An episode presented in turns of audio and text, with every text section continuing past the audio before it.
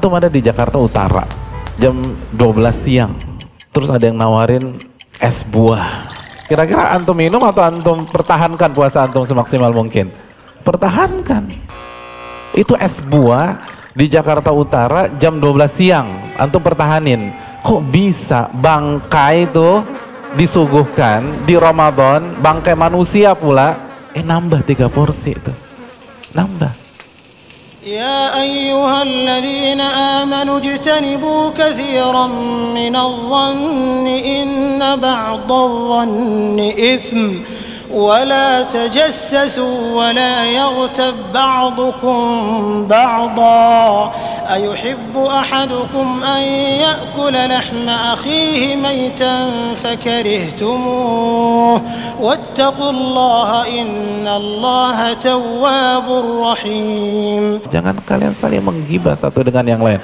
Emangnya suka ya makan bangkai saudara kalian yang kalian nggak suka itu.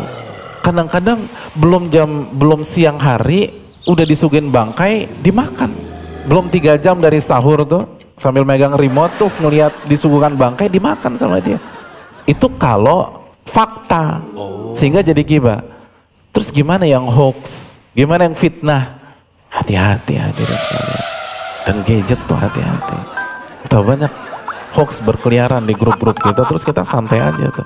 Man lam yada qawla zur wal amala bi falaysa lillahi hajatun fi an yada'a ta'amahu wa syarabah.